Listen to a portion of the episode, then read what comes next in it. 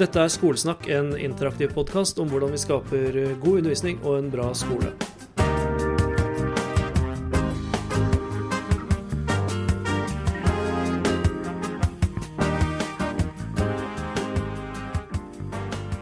Eh, hjertelig velkommen til denne improviserte pilottestversjonen av Skolesnakks ettersnakk. I dag eh, panelsamtale-edition. Eh, jeg er som vanlig Jørgen Moltebakk med 1K, og jeg har nå sitter ikke på Zoom for første gang, men på Riverside FM, hvor Skolesnakk spilles inn, hvor jeg har med meg to tidligere gjester som jeg kan se og høre. Og så ser vi at det er et tall som øker oppe i venstre som er sannsynligvis da andre folk som har logget seg på. Hvis dere har lyst til å være med i samtalen, så kan dere bruke chatten. Skriv hei i chatten, og der kan dere også stille spørsmål. Uh, og den uh, første som poppa opp der, er Dag Gladmann Sørheim, som sier hei, som er gjest i den aller nyeste episoden av Skolesnakk som kom ut i går, hvor vi gjør opp status. De jeg kan se og høre, er Erlend Kobro. Hei, Erlend. Hei, Jørgen. Jeg heter Erlend Kobro med én K. Ja, det er fint. Uh, og så har vi Vil du introdusere neste gjest? Ja, dette er Ingeborg. Ingeborg, hei. Hy, hallo, hallo. Hyggelig å være her.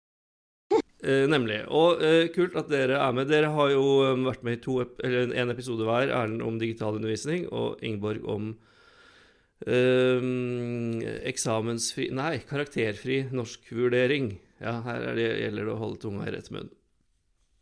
Eller rett i munnen, som det også heter. Um, og det er gøy. Det jeg sa til Erlend på forhånd, var Jeg har lyst til å lage et sånt opplegg som er uh, etter modell fra P2s uh, Fredagspanelet. Altså, P2, Fredagspanelet. Er du klar over hvor ung jeg er? Så han hadde ikke noe grep om hva det var. Uh, så det er sånn jeg har hørt på. og så har jeg tenkt dette er jo morsommere å lage selv, da. Og Det går ut på at dere får en påstand eller et dilemma som dere må ta stilling til. Og da er det ikke noen resonnementer eller, eh, eller eh, noe sånn langsvar. Det er korte og godt svar, og så diskuterer vi ut fra det. Så vi kan ta en liten test på det. Skjønte dere opplegget? Ja eller nei? Erlend? Eh, ja. Ingeborg? Eh, ja. Vi kjører på.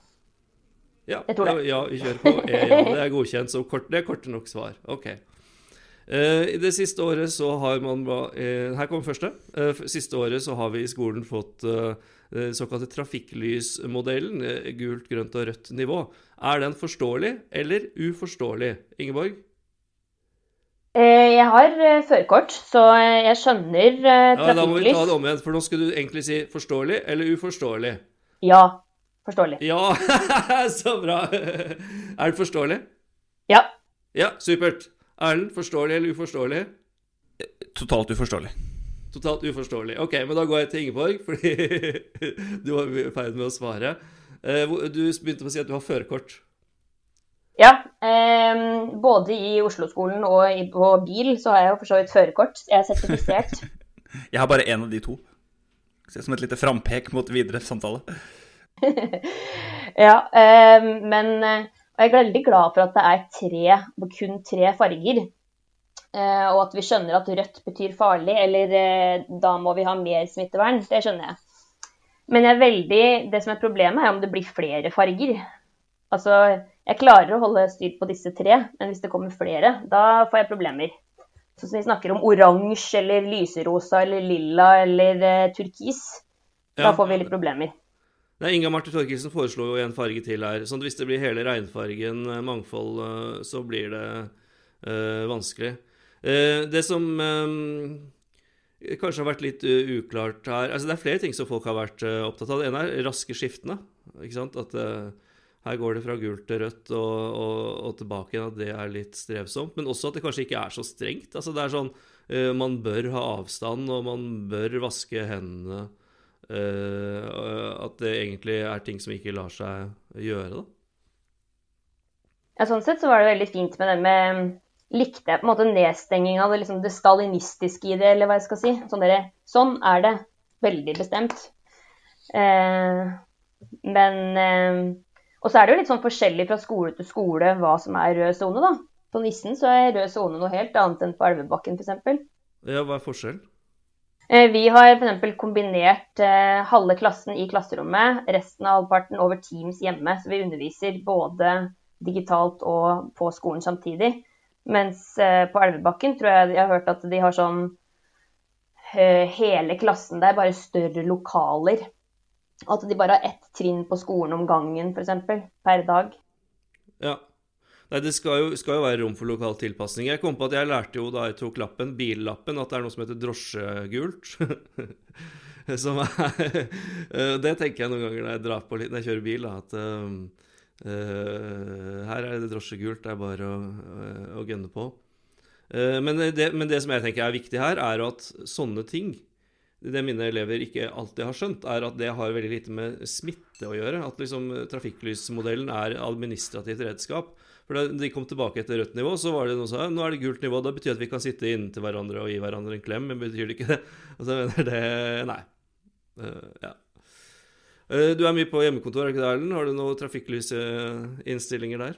Ja, Det er derfor jeg velger å svare totalt uforståelig. Fordi jeg har jo øh, vært i den unikt heldige posisjonen at jeg har hatt hjemmekontor fra før øh, koronapandemien utbredte seg. Og, så jeg har jo på en måte alltid rødt nivå alene på mitt hjemmekontor i sånn øh, organisatoriske forhold. Eller det er veldig enkelt for meg å holde 1,5 meters avstand til, til, til ingen. Altså det er bare meg her. Eh, så Derfor har jeg ikke behøvd, så lenge dette har pågått, hvert fall, å forholde meg til trafikklysene. Og jeg har derfor heller ikke satt meg inn i det. Eh, men jeg vet jo hva eh, sånn på overflaten rødt, grønt og gult betyr. Og jeg forstår jo at rød er verre enn grønn, og at gul er i midten. Liksom, så hvis spørsmålet er forstår du den prinsipielle utgangspunktet i de tre fargene for, som et verktøy i, i smittevern, så, så forstår jeg det. Eh, men jeg har nettopp lest en god artikkel av, av Egil Goksøy, lærer som, på, i Østlandsskolen, som eh, Ellevill, Egil Ellevill, for de som hører på Spotify, eh, som har skrevet, en ung lærer som har skrevet at 'jeg elsker elevene mine, jeg elsker jobben min, jeg gruer meg til å gå på skolen hver dag'. ikke sant? Og det, det er jo totalt uforståelig for meg at ikke man etter et år med pandemi klarer å lage verktøy og, og rammer rundt lærerrollen. Altså en, en, en rolle som 100 000 mennesker har som sitt arbeid hver eneste dag. At ikke vi klarer å lage rammer rundt den som gjør at lærere ikke gruer seg til å gå på jobb, det er jo ikke greit på noen som helst måte. Og det er derfor jeg svarer totalt uforståelig. For det eh, forstår jeg ikke. Ja, nei, Det er en sånn setning som jeg har eh, sagt mye siste merke. Etter ett helt år så har vi ennå ikke prikk, prikk, prikk. Eh, fordi eh, det neste påstanden, eller spørsmålet jeg har tenkt å gi dere, var, eh, er knytta til dette her, nemlig. Hjemmeskole. Bra eller dårlig? Ingeborg først. Hvis jeg må bare svare én av dem, så må jeg si bra. Bra. Erlend? Bra. OK, vi har to bra. Hvem vil eh, da, Ingeborg, vil du um, utdype? Hva er det som er bra med hjemmeskole? Eh, ja, altså Det er jo litt provoserende. Men det som er bra med hjemmeskole, er eh, f.eks. Eller digital skole har jeg vel lært at det heter fra dere, egentlig. Fra denne podkasten. Ikke hjemmeskole. Men det jeg har lært, er at um, det gjør at jeg får kontakt med Jeg får mye bedre oversikt, f.eks. på Teams, hva elevene mine holder på med. Eh, jeg kan, jeg kan chatte med dem, jeg, de kan sende ting til meg underveis. Jeg kan raskere gi tilbakemelding enn når jeg var i klasserommet, sånn sett. da. Eh, det har også hatt en del elever som, som syns at f.eks. den der helklassedialogen har vært veldig vanskelig, men som har blomstra nå. Eh, hvor de kan ta det i litt mindre fora og kanskje bare mer til meg, da.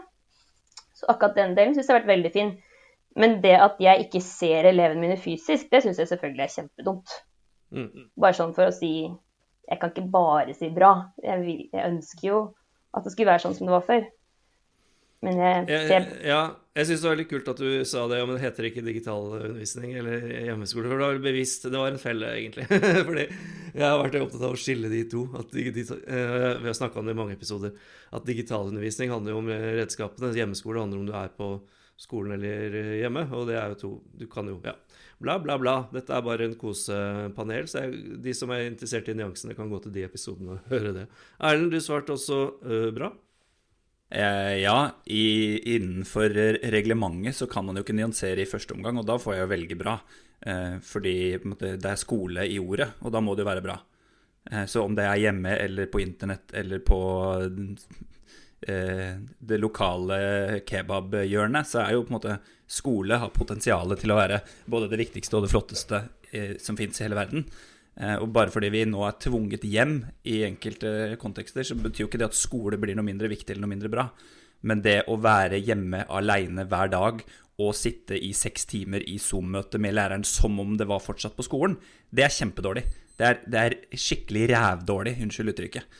Eh, men Amen. Eh, amen.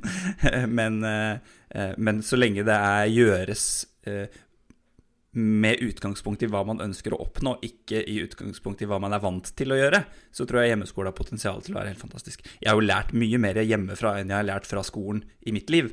Det er jo kanskje noe med min personlighetstype og min preferanse for læring å gjøre, men, men jeg lærer jo eh, aller, aller best eh, sånn som jeg sitter nå, alene på kontoret mitt med headsetet mitt på, eh, fordi jeg er så redd for å drite meg ut. Kanskje det jeg har lært det av skolen, håper ikke det, men det er en fare for det. Derfor så trenger jeg å være god før jeg viser fram hvor dårlig jeg er. Det er jo en svakhet ved min personlighet. Eh, men det gjør jo at det blir trygt og godt å være hjemme og lære innenfor mine egne rammer som jeg kan kontrollere selv. Men kan jeg få kommentere litt på en ting som er litt eh, på den negative sida? Ja, jeg skal bare si at jeg var, fikk jo ingressen min til denne episoden her nå. Uh, dette er rævdårlig, sier Erlend Kobro. Amen, sier Ingeborg Øvern i denne panelsamtalen. OK, da kan du fortsette. Nei, altså, Det som er litt rævdårlig, da, er eh, at det ting Altså dialogen. For jeg har jo prøvd å legge opp til et sånn eh, en, Ja, jeg liker jo en dialogisk undervisning. Og så blir ofte da syns jeg ofte den digitale undervisninga ofte blir litt mer effektiv.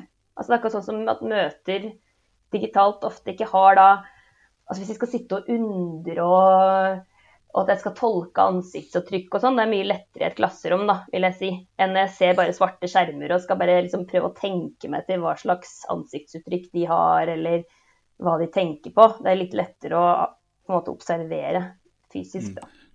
Jeg er helt enig. Det er, jo, det er jo veldig slitsomt å ha møter back to back eh, digitalt hvis de møtene gjennomføres sånn som digitale møter ble gjennomført da vi også møtte hverandre. Sånn at uh, all kosepraten, all uh, ustrukturert uh, samtale og, og, alt som ikke er på en måte agendapunkter, blir jo ofte skippa i de digitale møtene, og det er jeg redd for at de gjør i den digitale undervisningen også. Men det handler om å lære hvordan man gjør det, som jeg har sagt noen ganger. Altså, fordi at f.eks. Å legge inn rom til us usosialt, til sosial og uformell kontakt, og i begynnelsen, midten og slutten av øktene, Uh, der man kanskje også gjør fysiske ting. Det går an å danse foran webkamera, det går an å kaste ball og uh, alt mulig. Og jeg, Spesielt den der på slutten. hvis Jeg, jeg holder en del kurs for, ikke i skolen, men for organisasjoner og sånn, og da har jeg ofte veldig sånn stramt opplegg, også som jeg løser opp mer og mer. Altså Det er veldig lærerstyrt uh, først. Og da spesielt den derre Jeg sitter igjen, og hvis det er noen spørsmål etterpå, da har jeg noen ganger sittet igjen en time etterpå. Og, og, og, da er folk veldig engasjerte, for da har de forsvunnet, de som ikke er interessert i å være der. Da. Jeg er enig med deg at det er ikke, det ikke verktøy i seg sjøl som er problematikken, men noen ganger så trenger vi rett og slett et sceneskifte, og at det sceneskiftet er ganske viktig ut, altså, Sånn som f.eks. når jeg tar på meg klær, drar til jobben, så, er, så, setter hjernen min seg inn i et helt annet modus enn det er eh, hjemme på sofaen. da. Jeg ville bare nevne at uh, For å gjøre en liten shout-out til min forlovede, som uh, jobber som interaksjonsdesigner i et stort konsulentselskap, og som jobber med uh, nearshore, altså jobber med konsulentteam på ulike deler i ulike land, så skrev hun en artikkel i mars i fjor da dette brøt løs. Ok, Hvordan gjør vi det, da, vi som er vant til dette her?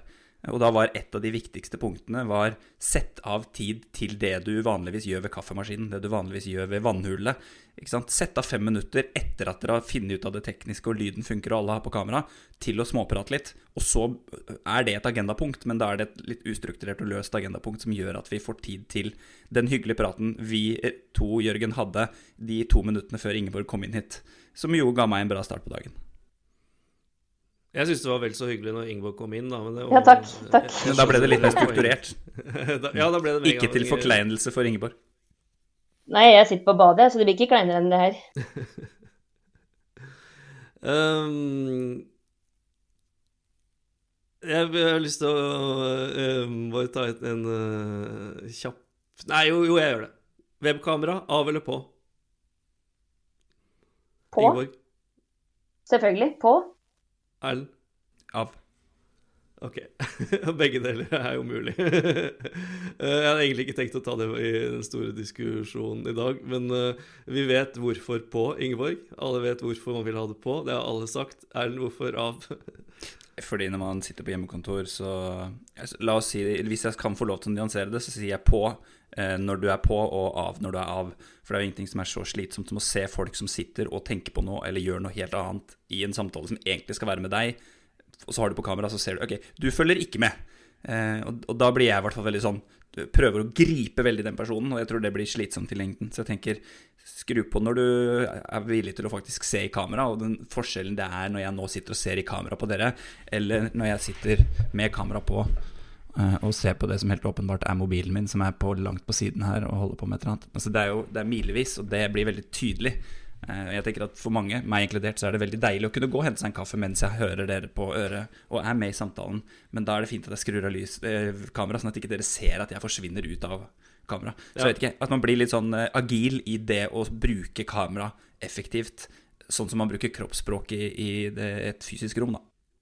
Eller så må man faktisk ta den praten. da. Når er det vi skal, når er det viktig at vi har det lyttespråket? Når er det OK å skru det av, men vi beholder kameraet på?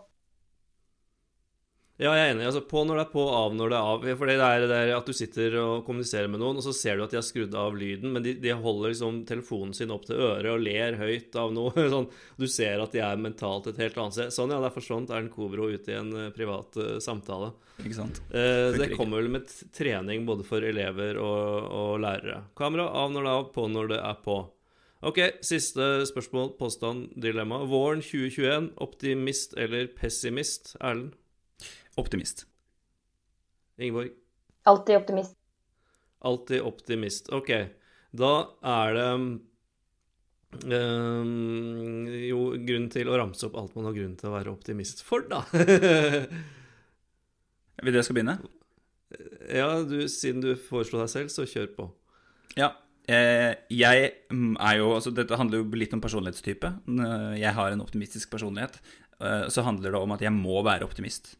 Eh, Fordi den 3. juli så skal jeg og 103 av mine nærmeste venner og familie feire at jeg gifter meg med min forlovede. Og hvis ikke vi får lov til å klemme hverandre da, så, så legger jeg ned Norge. Offisielt. Så skjerp dere, folkens. Hold meteren, minst halvannen to. For den 3. juli så skal det ikke være et smittetilfelle eh, noe som helst sted nord for Skagerrak. Jeg skal innrømme at der hørtes du liksom ikke så mye optimistisk ut som vettskremt. De to tinga er jeg veldig opptatt av å knytte tett sammen. Sånn at jeg er det er optimist av behovet, ikke nødvendigvis av eh, forholdene Så som jeg ser for meg presten eller dommeren eller sånn som sier eh, Du kan nå klemme bruden. Alle bare Endelig er det lov med kroppskontakt! Ingeborg, hva er du optimistisk eh, for? Nei, det er fordi jeg har verdens beste jobb med utrolig fine elever og kjempegode kolleger. Og eh, et godt samhold oss imellom, som er bare er sterkere i sånne tider som det her, syns jeg. Så eh, det er ingen grunn til eh, å miste håpet helt ennå. Eh, Det var jo det beste fint. svaret man kunne få, da. Altså optimist uansett hvordan det går. Altså Om det så blir økende smitte herfra til august, så er Ingeborg optimist. Nå ble jeg optimist også, uavhengig av mitt bryllup eller ikke. Ja, men det er jo litt sånn, altså, det, Jeg føler at vi er så omstillingsdyktige nå. At det er bare helt sånn OK, i morgen så har du én elev, og så har du 130 dager etterpå. Kjør på. Vi må liksom tror at nå klarer vi alt mulig. Ja, altså det blir jo sagt at optimisten og pessimisten har like stor sjanse for å ha rett, men eh, optimisten har det mye morsommere på veien, eh, på en måte. Jeg vil bare eh, skyte inn en ting jeg er optimist, har gjort meg optimistisk i den siste uka, og det var et lærermøte med mine kollegaer fra, som representerte forskjellige fag, og vi gikk gjennom veldig mye av det vi har drevet med nå, både av vurdering og undervisning og sånn, og så sier den ene etter den andre at Men dette her fungerer jo egentlig bedre digitalt enn fysisk. Ja, dette her fungerer egentlig Og at den derre At vi er der at man begynner å se at uh, det spørsmålet Hva er det vi mister med digital undervisning? Som, dukker opp så ofte. Slutt å si det. Hva er alt det vi får? Det er alle de mulighetene vi får. Det gjør meg optimistisk med at man begynner å få det perspektivet. Um, da begynner vi å nærme oss slutten av denne mm, første pilotpanelepisoden. Og jeg tenkte uh, å gi mulighet for ordet Nå har jeg vært så streng møteleder, så ordet fritt. Hvis dere har, har dere en setning eller tre som dere har lyst til å tenke det hadde vært fint å få sagt i løpet av denne episoden. Nei, og det var det ikke. Nå venta jeg et halvt sekund. Den klassiske utålmodigheten. Du kan jo bare klippe bort stillhet i ettertid, Jørgen. Så her hadde du jo en unik mulighet til å gi oss ordentlig betenkningstid. Men jeg har jeg faktisk Nei, altså, eh, lydredigeringsprogrammet foreslår alltid skal, Vi har funnet stillhet, skal vi klippe det bort? Men jeg syns det er fint å la det være. Jeg syns det er fint å ha litt pauser i verden. Men eh, Erlend, du skulle si noe? Jeg har eh, vært så heldig å få lov til å fasilitere det administrative rundt en stor internasjonal forskerkonferanse som heter ICSEI den siste uken, som er International Congress for School Effectiveness and Quality. Eh, hvor masse masse, masse forskere og akademikere, beslutningstagere og politikere møtes og snakker om skole.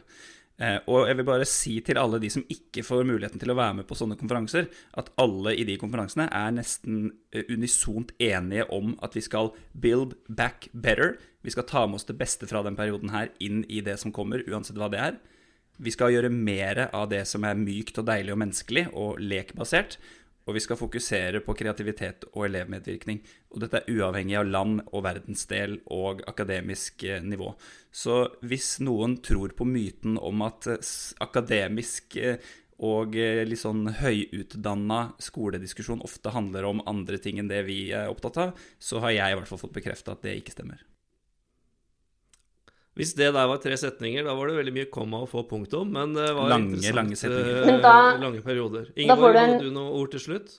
Da sier jeg bare halleluja til det Erlend sa. Siden jeg allerede har sagt amen, så følger jeg på halleluja. Og så må jeg nesten levere i barnehagen nå.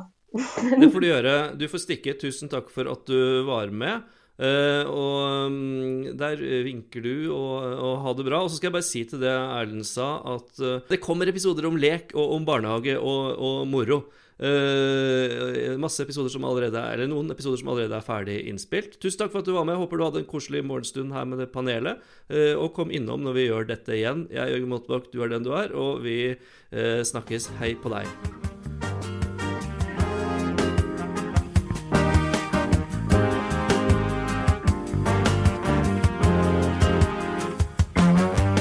Skolesnakk er en uavhengig, interaktiv podkast som produseres av Moltebakk Media og Undervisning.